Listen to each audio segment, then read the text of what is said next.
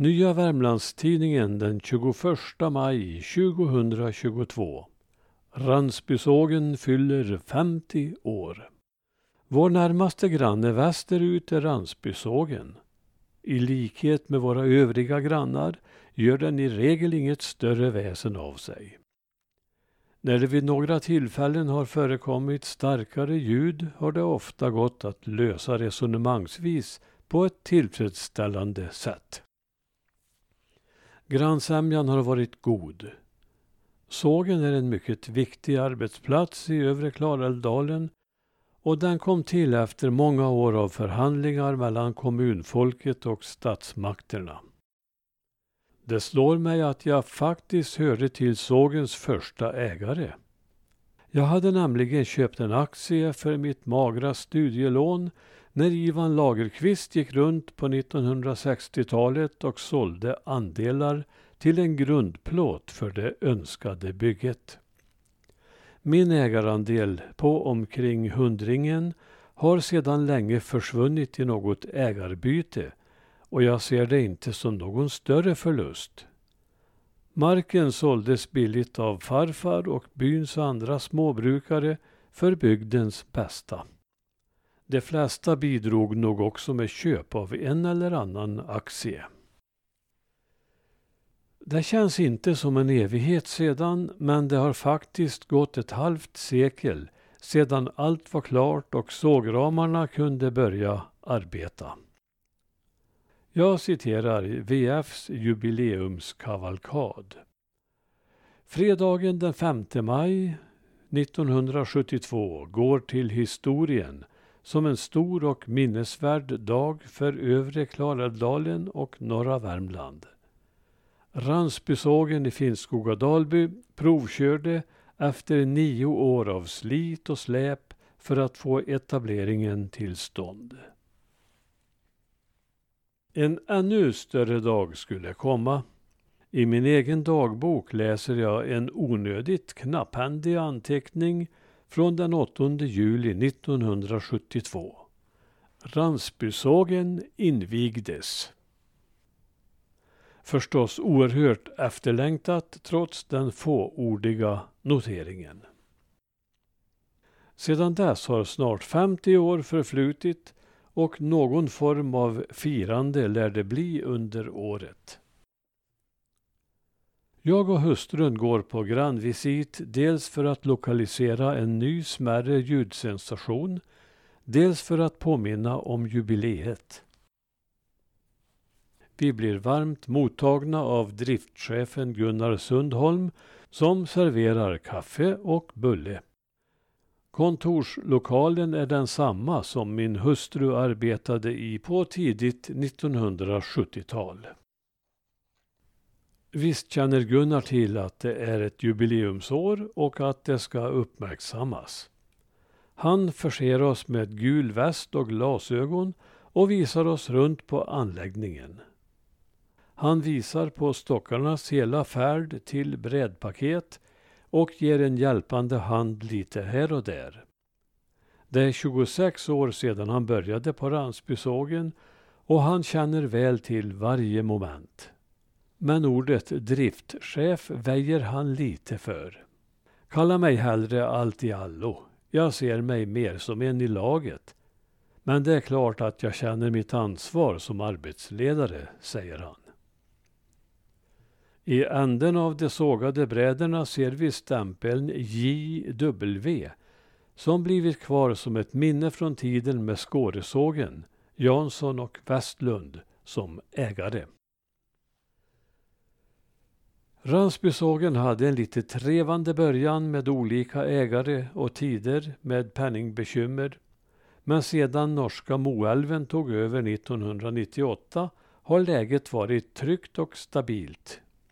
Sågens nya namn Moälven Notnäs Ransby AB berättar att Notnäs i Torsby och Ransbysågen lyder under samma VD, Peter Broberg. Denna nära relation visade sig speciellt viktig när justerverket i Ransby brann år 2018. Då kördes Ransbysågen vidare Men de sågade bräderna fraktades sedan till Notnäs i Torsby till justerverket där och arbetskraft från Ransby följde med. Denna slitsamma hantering pågick ett halvår innan det nya justerverket stod färdigt på rekordtid. Branden medförde tyvärr att sex man fick sluta men istället fick sågen ett toppmodernt justerverk med bättre arbetsmiljö samt utökad automatik och kamerasortering. Samtidigt en grund för sågens fortlevnad. Där handlade Moälven föredömligt snabbt för att rädda sågverket i bygden. Mer ny teknik får jag prov på när jag några dagar senare tillsammans med Gunnar får träffa Peter Broberg och Notnäs produktionschef Per Bengtsson på videomöte i det gamla chefsrummet. Att 50-åringen är pigg för sin ålder trots smärre skavanker kan de alla intyga. Sågen går bra, säger de. Produktionen är hög och ligger nära den gräns man har tillstånd att såga. Vi kör med ett skift, men en ökning till 1,5 skift kan bli aktuell. På den positiva sidan finns också att det 30-talet anställda utgör en trofast, kunnig och stabil arbetarstam.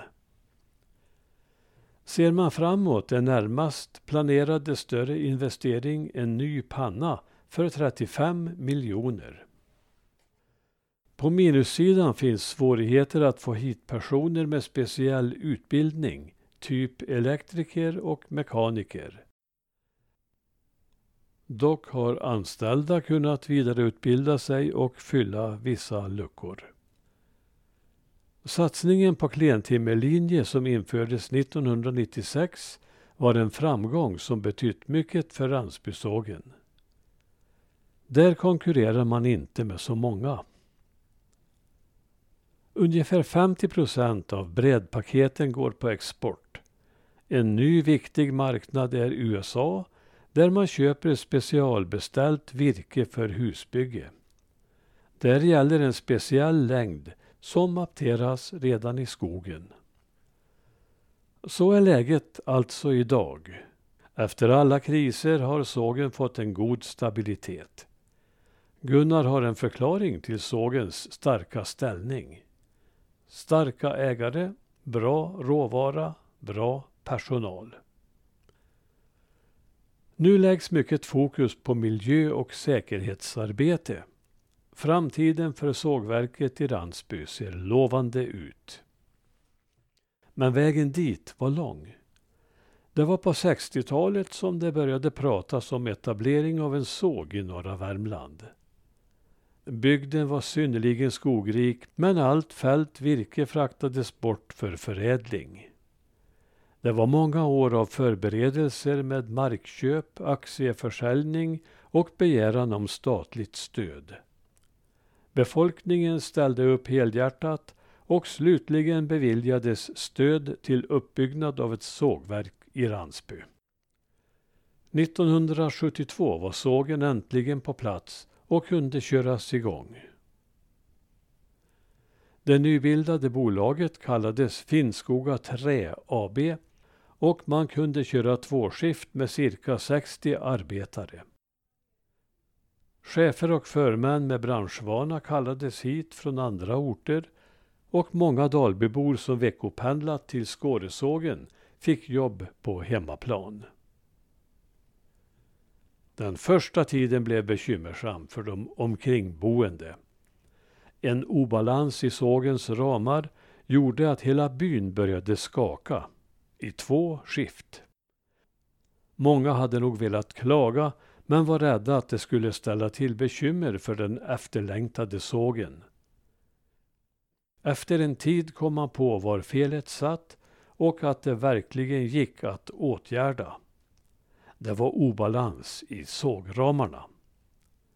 Byn sjönk åter ner i stillhet och lugnet var återställt. Den första tiden fanns också hyvleri på anläggningen men återgång till sådant finns det inga planer på.